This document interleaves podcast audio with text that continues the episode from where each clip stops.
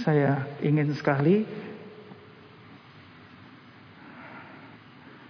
nanti waktu saya tanya atau menyampaikan Bapak Ibu boleh merespon. Baik yang di sini ataupun juga yang streaming di rumah masing-masing. Pemberitaan firman hari ini sangat penting sekali. Waktu saya menemukan saya terharu dan bersyukur. Dan saya akan ulangi bahwa seluruh nilai daripada hidup kita, seluruh nilai daripada panggilan Tuhan atas diri kita ada di kunci, ada di firman ini, saudara sekalian. Dan kita taati, kita akan mencapai hasil yang paling maksimum dan paling efektif di dalam seluruh kehidupan kita. Tema kita hari ini, seperti yang saudara sudah ketahui, adalah ordinary missionary. Ordinary missionary. Sama-sama saudara sekalian, ordinary missionary.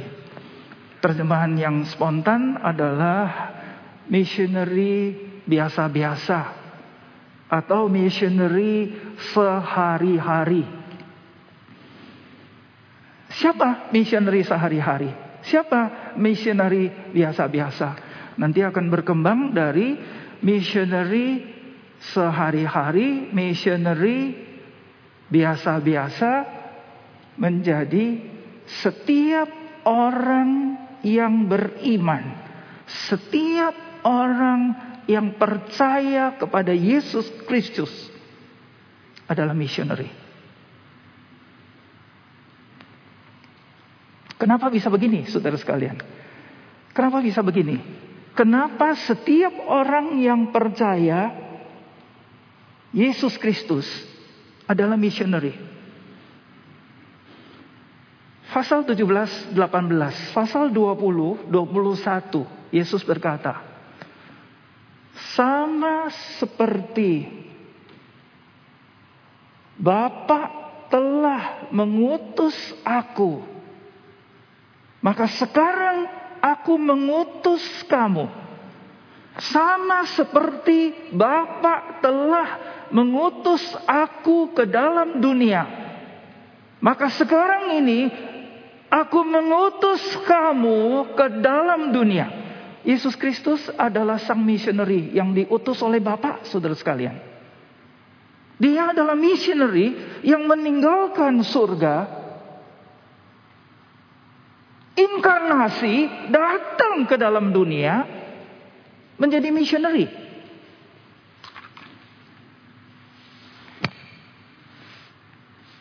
Dan di dalam doanya yang terpanjang sebelum dia naik ke atas kayu salib,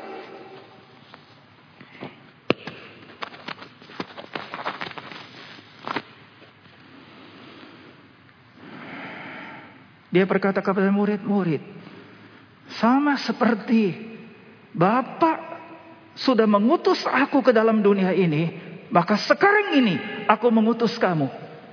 Itu sebelum saudara sekalian, waktu sebelum dia dipaku di atas kayu salib, waktu dia berdoa semalam-malaman.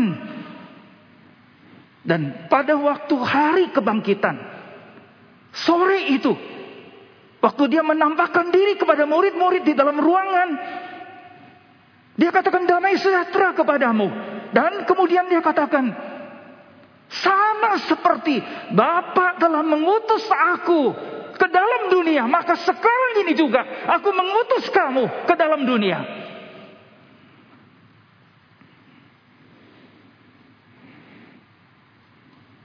Kemudian bagaimana menyambung dengan setiap orang percaya, setiap orang beriman kepada Yesus Kristus adalah missionary.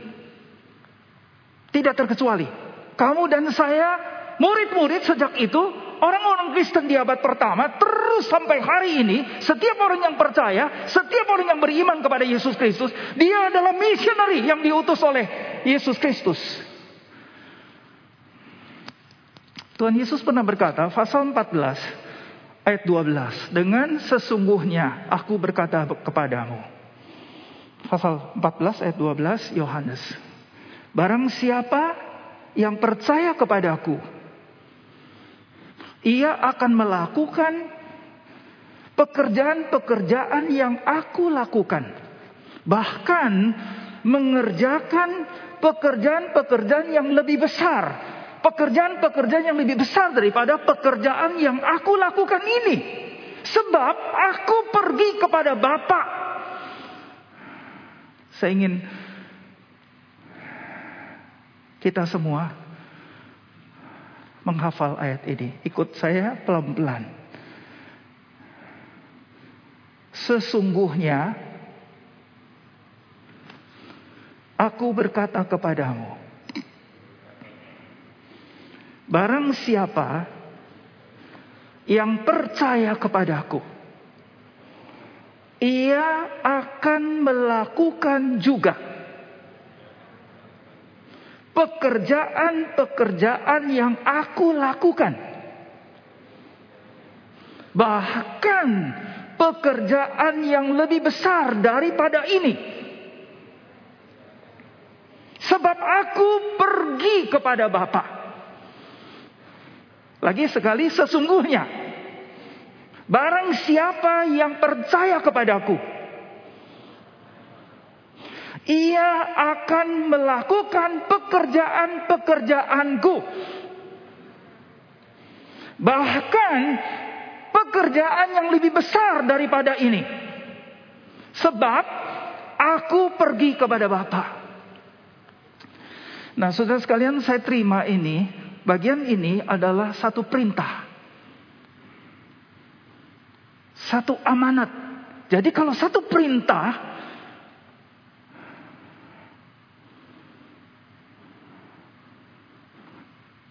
Tidak bisa ditolak. Tidak bisa tidak dilakukan.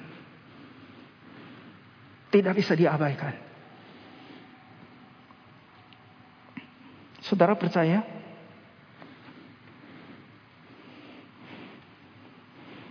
Saudara menerima? Saudara mengaku? Saudara yakin? Saudara mengantisipasi? Atau saudara ragu-ragu. Saudara khawatir. Dan saudara tidak percaya.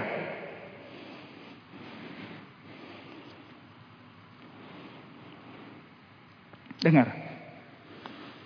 Yudas tidak percaya. Dia duduk di situ, dia dengar. Dia tidak percaya. Karena dia tidak percaya, dia melakukan yang bertentangan sebaliknya. Akhirnya dia mengkhianati mengfitnah, menjual Yesus Kristus dengan 30 keping perak. Saya ingin sekali saudara sekalian hari ini mulai dari saya dan kita semua, kamu harus percaya, kamu harus menerima, bahkan taat dan tunduk saudara sekalian. Dan tadi saya ulangi kalimat ini bahwa saudara sekalian seluruh nilai panggilan Tuhan atas diri kita ada di dalam kata perintah ini.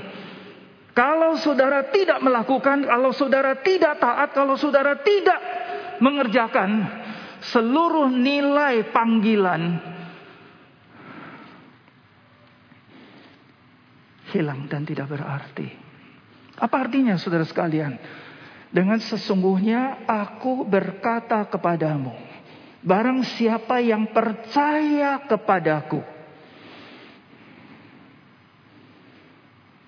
kamu akan melakukan juga pekerjaan-pekerjaan yang kulakukan. Apa artinya saudara sekalian? Ini kata perintah barusan kita sudah sama-sama terima. Yang kedua saudara sekalian apa artinya? Engkau juga akan melakukan pekerjaan-pekerjaan yang aku lakukan. Berarti begini saudara sekalian. Bahasa Mandarinnya kan yang xie yang. Ayo ucapkan dulu nanti saudara saya jelasin. Kan yang xie yang Ah, persis. Kan yang yang artinya lihat contoh, lakukan seperti yang kita lihat. Lihat contohnya Yesus. Jadi melakukan apa yang kukerjakan juga artinya melihat Yesus kerjakan kita ikut mengerjakan saudara sekalian. Kita ikut mengerjakan. Apakah mungkin Bahkan pekerjaan yang lebih besar daripada itu, daripada yang aku sedang kerjakan. Kelak di kemudian hari akan melakukan pekerjaan yang lebih besar. Saudara sekalian ini satu nubuatan. Yesus bernubuat, Yesus memerintah dan itu berlaku akan direalisasikan, diwujudkan di atas diri setiap orang yang percaya. Apakah itu mungkin? Sangat mungkin. Kenapa? Satu, barang siapa yang percaya kepadaku, berarti kamu, saya, orang-orang yang percaya. Murid-murid waktu itu yang mendengar percaya. Saudara sekalian, kamu percaya? Ada yang tidak percaya hari ini di sini? Awas, saudara sekalian, awas. Kalau kamu bilang kamu tidak percaya, berarti kita udah out of context. Gak termasuk. Sia-sia kita ikut Tuhan sampai sejauh ini. Yudas bilang tidak, aku tidak percaya. Maka waktu Tuhan Yesus tanya, ini karena tinggal 12 hari kita akan memperingati hari Tuhan Yesus dipaku di atas kayu salib. Malam itu Yudas tanya, Tuhan, apakah orang yang kau maksud itu saya? Berani-berani dia tanya, saudara sekalian. Berani-berani dia tanya. Terus Tuhan jawabnya apa? Iya benar yang kamu ngomong. Kamulah orangnya. Saudara sekalian celaka sekali. Maka itu percaya saudara sekalian. Beriman itu urusan yang sangat menentukan. Itu hal yang sangat penting. Hari ini kita minggu misi saudara sekalian. Minggu misi bukan untuk orang lain. Minggu misi adalah urusan kita. Yesus Kristus sang missionary datang menjadi contoh dan ladan dan dia sekarang utus kita.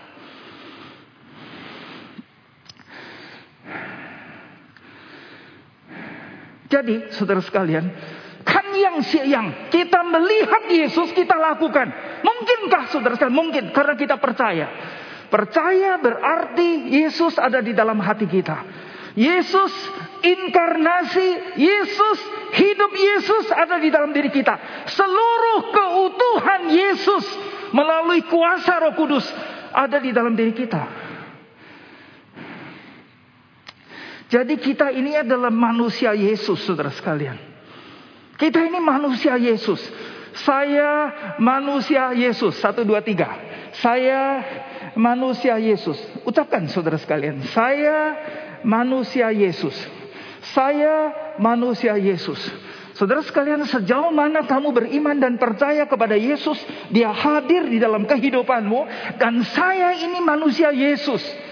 Yesus ada di dalam diriku, Roh Yesus ada di dalam diriku, sosok Yesus seutuhnya ada di dalam diriku, dan aku submit kepada Dia, mendengar Dia, melakukan apa yang Dia katakan, melihat Dia, contoh Dia. Kan yang xie yang.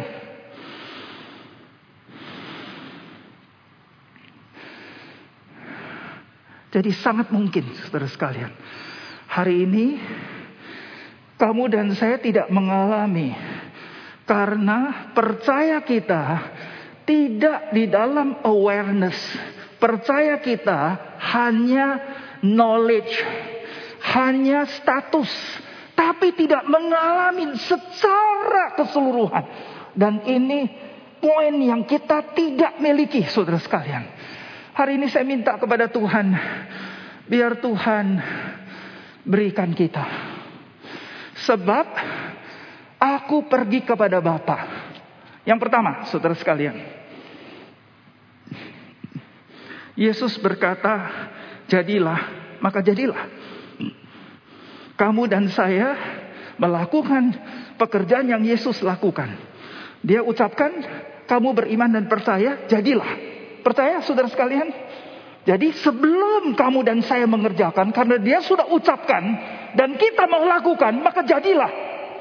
Ini yang pertama. Yang kedua, saudara sekalian. Yesus pergi kepada Bapak di sebelah kanan Bapak berdoa secara pribadi untuk kamu dan saya. Yesus berdoa untuk saya. Satu, dua, tiga. Yesus berdoa untuk saya. Di dalam menghadapi banyak masalah. Ini, itu, dan sebagainya. The awareness hadir di dalam hati. Yesus sedang berdoa untuk saya. Saya hatinya sangat dikuatkan. Papa mama saya sudah pergi. Papa mama saya pernah bilang, sekalipun nanti saya sudah pergi, tapi setiap hari saya akan doa untuk kamu. Supaya kamu bisa melayani dengan sungguh-sungguh. Bisa dipakai oleh Tuhan. Saya percaya papa mama saya di situ tiap hari sedang berdoa untuk saya. Saya percaya Yesus berdoa untuk saya. Saya percaya Roh Kudus sedang berdoa untuk saya juga. Pasal 8 ayat 26. Kita tidak tahu bagaimana caranya kita berdoa. Tetapi roh kudus dengan keluhan-keluhan yang tidak terucapkan.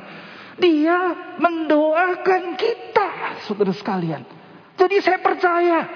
Jadi yang kedua, saudara sekalian. Yesus berdoa untuk saya supaya saya dimampukan melakukan apa yang Yesus katakan. Yang ketiga,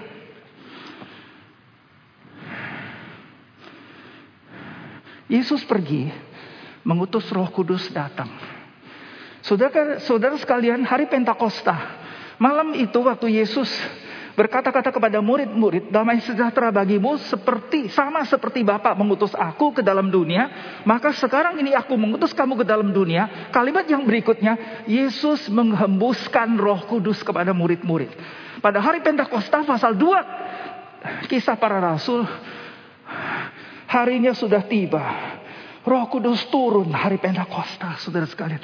120 murid-murid dan rasul-rasul dipenuhi sedemikian rupa, saudara sekalian.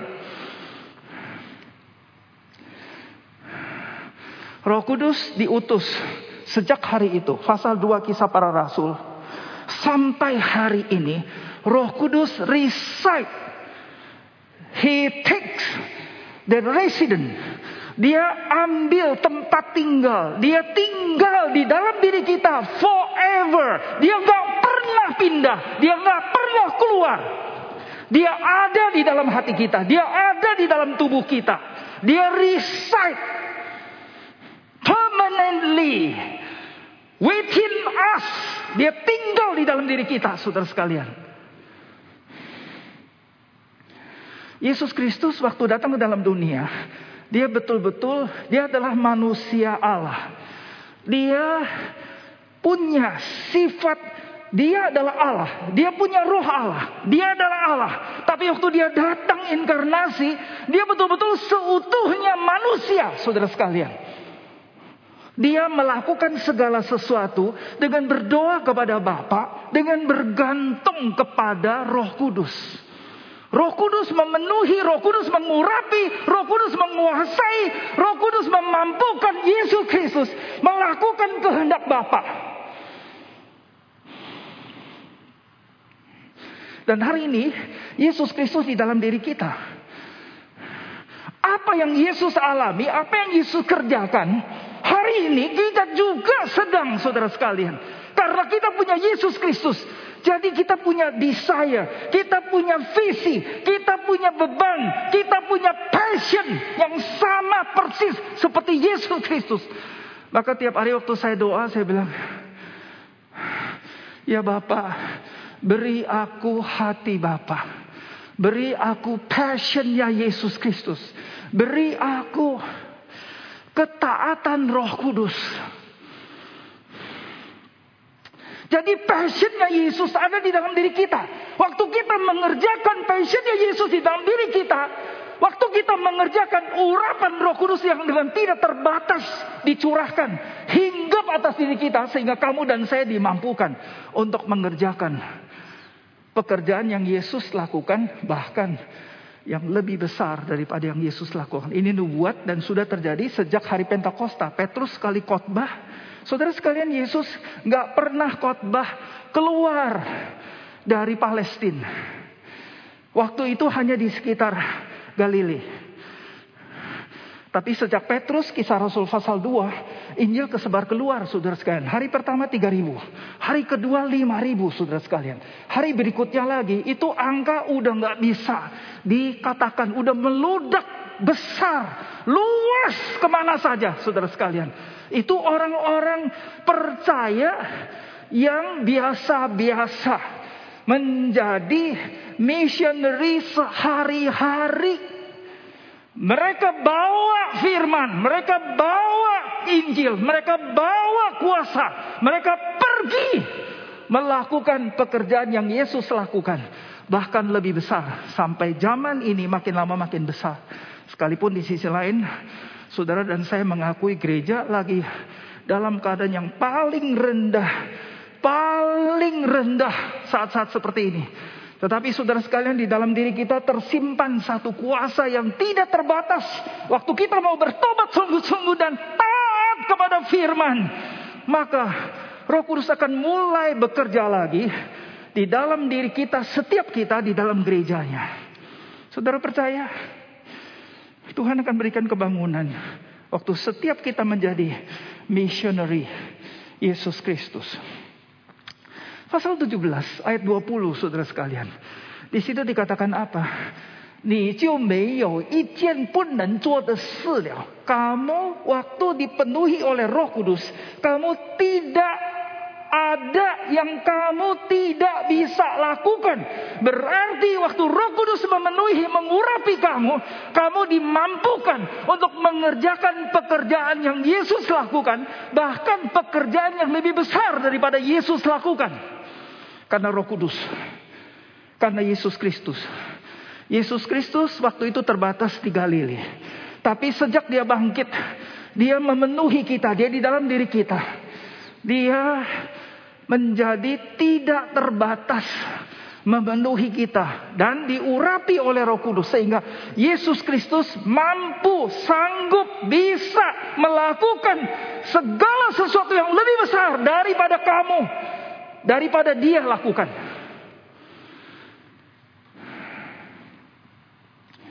Percaya saudara sekalian? Siapa percaya? Kamu nggak percaya? Saudara kamu nggak percaya? Awas loh kalau kamu nggak percaya. Yang di rumah juga. Mulai dari saya, saudara sekalian. Saya percaya sungguh. Saya beriman. Dan saya taat. Saya mau dipenuhi. Saya mau diurapi. Saya mau mengerjakan yang Yesus kerjakan. Maka setiap kali waktu saya ngerjain, saya tanya, apakah ini yang Yesus kerjakan? Kalau ternyata waktu saya mau kerjakan, saya menemukan ini bukan yang Yesus mau kerjakan, saya tidak kerjakan. Waktu kamu dan saya sensitif untuk bertanya, Roh Kudus akan beritahu. Kita nggak bisa ngerjakan ini, ngerjakan itu. Saudara sekalian, saya minta maaf besar. Tuhan Yesus datang dipaku di atas kayu salib untuk mempersatukan gerejanya, untuk menyatukan gereja Tuhan, bukan sebaliknya. Maka waktu kita akan melakukan sesuatu, kita bertanya, apakah ini yang Yesus lakukan? Waktu kita diberitahu bukan, kamu dan saya harus stop. Aplikasi. Yang pertama, kamu dan saya harus percaya. Berarti kamu dan saya harus bertobat. Saudara sekalian nggak ampun. Kalau kamu tidak percaya, hari ini juga kita keluar dari konteks. Sehingga kita tidak berbagian. Betapa celaka dan tragisnya kalau kita out of context. Karena kita dipanggil, kita adalah jumlah pilihan yang dipanggil untuk mengerjakan kerajaan Allah, mengerjakan pekerjaan Yesus Kristus. Bahkan pekerjaan yang lebih besar Bukan sebaliknya. Jadi kamu dan saya harus percaya dan taat. Jadi yang pertama kamu dan saya harus percaya dan taat. Kalau tidak, sorry, David you akan out of context. Saya akan dikeluarkan dari arena ini. Tidak termasuk. Dan sikap saya sendiri akan mengambil keputusan bahwa saya keluar. Yudas, saudara sekalian, tadi saya teringat, dia sendiri yang ngomong tidak. Akhirnya dia keluar dari konteks. Terakhir sekali. Terakhir sekali. Yang kedua, saudara sekalian. Musuh sudah datang ke sini. Musuh jadi missionary. yang diutus Yesus Kristus. Gereja kita adalah gereja missionary, gereja mission, saudara sekalian. Saya undang semua saudara yang ada di ruangan, saudara yang ada di luar ruangan, saudara yang ada somewhere di streaming. Musuh undang semua harus kembali ke rumah Tuhan. Semua harus kembali ke GKY Greenfield. Saudara sekalian tidak bisa. Kamu ada di luar. Mari kita pulang sama-sama. Kenapa? Supaya kita dibekalin supaya kita belajar, supaya kita bertumbuh. Mari kita pulang, saudara sekalian. Mari kita pulang. Ini di depan ada 12 hari lagi ada Jumat Agung. Saya sebetulnya antusias saudara sekalian. Ini bangku dihitung kemarin katanya bisa duduk 300 lebih. Saya nggak tahu 300 lebih yang ada di sini atau 300 lebih sama yang di situ atau 300 lebih sama yang di basement. Saya tidak tahu. Tapi 300 lebih bisa duduk seperti protokol yang sudah ditetapkan. Tetapi beberapa hari ini saya telepon-telepon karena waktu rapat kemarin mengatakan bagaimana nanti kalau ada yang terjangkit, siapa tanggung jawab? Saudara sekalian gentar sekali ngomong-ngomong seperti ini terus nanti siapa yang tanggung jawab? David Chiu. Wah, saya doa Tuhan lingkupi lindungin jemaat Greenfield. Minta kalau boleh tidak satu pun yang terjangkit. Kemarin jam 11.30 saya terima SMS bilang Semuwicen kena penyakit kemudian meninggal. Saya nangis, saya sedih sekali. Nanti siang saya akan pimpin kremasi di Oasis. Khotbah saya nyambung nanti ke funeral, ke kremasi, saudara sekalian. Saya minta dukungan doa. Jadi saudara sekalian, yang kedua ini kita harus pulang. Siapa pun mulai hari ini. Kalau kamu belum bisa pulang secara fisik, secara tubuh, tapi paling tidak hatimu sudah pulang dulu melalui streaming dan sebagainya. Secepatnya saya akan follow up. Saya telepon kepada Yayasan Hidup Baru. Saya bilang Pak Erdi, bisa nggak disediakan fasilitas seluruh jemaat Greenfield disediakan vaksin? Kita ini Jumat Agung mau ibadah. Saya sudah kebelet, saya udah minta, saya udah mohon, tolong. Dia bilang Musa yang lansia boleh, yang lansia harus. Tetapi yang umum kita belum punya bekal, belum punya persediaan. Saya terus doa apakah dalam waktu dua minggu ini tiba-tiba ada uh, vaksin yang dikirimkan sehingga punya jatah yang cukup sehingga kita seluruh jemaat Greenfield bisa diprioritaskan untuk vaksin duluan. Kenapa? Kita mau kejar Jumat Agung, tapi tunggu pengumuman dan kita doa minta Tuhan tolong. Jadi kamu harus pulang, saudara sekalian. Kamu nggak bisa terus ada di luar. Percaya Tuhan panggil kamu di gereja Greenfield, maka kamu harus ada di gereja Greenfield. Saya datang di sini siapkan waktu 24 jam setiap hari. Saudara sekalian, tentu saya harus jujur ngomong, malam jam 8 saya sudah tidur. Jadi kalau saudara telepon malam setelah jam 8, itu HP ada di ruang buku, saya tidak dengar dan memang lagi dicas. Saya nggak bisa angkat. Tapi besok pagi waktu saya baca kembali, oh ada yang telepon. Dan waktu kamu telepon miss call, kamu di situ bikin satu note bilang saya ini siapa. Mau cakap-cakap, mau ketemu sama Musa. Saya akan balas respon hari itu juga. Telepon saya adalah plus satu WA-nya 214 228 9234. Kalau sempatinya adalah 0813 187 387 80. Musa suka bisa ketemu tatap muka atau kamu suka Musa datang ke rumahmu atau ke rumah sakit atau apa saja Musa terbuka. Satu hari 24 jam dan seminggu tujuh hari dari hari Minggu sampai hari Minggu Musa siap untuk kapan saja.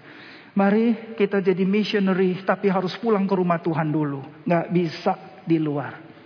Kita pulang ke rumah Tuhan. Sama-sama. Yang ketiga saudara sekalian.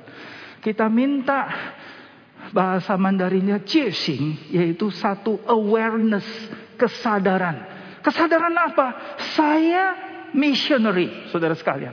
Saya missionary. Karena Tuhan utus saya. Saya dipanggil, saya diutus, saya missionary.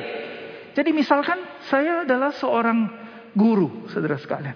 Jadi saya missionary guru, saudara sekalian. Saya missionary guru. Kamu apa? Kamu ibu rumah tangga. Saya missionary ibu rumah tangga. Kamu apa? Kamu dokter, missionary dokter. Kamu apa? Missionary nurse, juru rawat. Kamu apa? Missionary polisi. Kamu apa? Missionary pejabat. Kamu apa? Missionary. Ada seorang jemaat bilang, Musa, saya banyak. Saya banyak. Kadang waktu saya bawa grab Musa. Jadi kamu adalah missionary grab. Kadang kaya jadi gojek Musa. Di tengah-tengah jemaat juga ada jemaat yang kasihan sekali. Musa doa untuk mereka. Mereka datang bilang Musa, saya gojek Musa. Tidak. Sekarang kamu adalah missionary. Missionary gojek. Waktu kamu aware, kamu ini missionary, kamu diutus, dibekali dengan kuat kuasa roh kudus, dengan kehadiran Yesus Kristus di dalam dirimu, sikapmu akan sangat berbeda. Dengan kamu diam-diam melakukan hal-hal yang tidak dilakukan oleh Tuhan Yesus, setan akan senang sekali karena kamu dan saya akan memisah-misahkan dan kamu dan saya akan melakukan yang kontra, yang bertentangan dengan perintah Tuhan Yesus. Dan kita akan menjadi lemah, tidak mungkin bisa melakukan apa yang Yesus lakukan. Karena roh kudus bersedih di dalam. Kita minta kebangunan saudara sekalian. Yang keempat, aplikasi. Kita berbagian di dalam pekerjaan misi. Kita sendiri missionary, tapi kita juga berbagian di dalam pekerjaan misi. Kenapa nih saudara sekalian?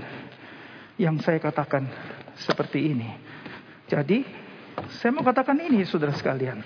Kita punya proyek misi. Kita punya proyek pelayanan. Jadi kamu dan saya harus berbagian. Saya nomor satu, saudara sekalian. Saya nomor satu. Mana dia? Sebentar kita akan ngisi buku persembahan. Ya, saya pasang badan, bikin contoh. Saya sendiri ngisi. Saya berbagian. Kenapa saudara sekalian? Di mana persembahanmu, di situ hatimu. Setuju? Kita sudah cetak banyak, semua jemaat harus ngisi, tidak satupun yang tidak. Tidak soal jumlah, tapi hati. Kamu harus isi. Nanti kalau kamu bilang musuh, saya perlu diantar. Kamu telepon, nanti diantar.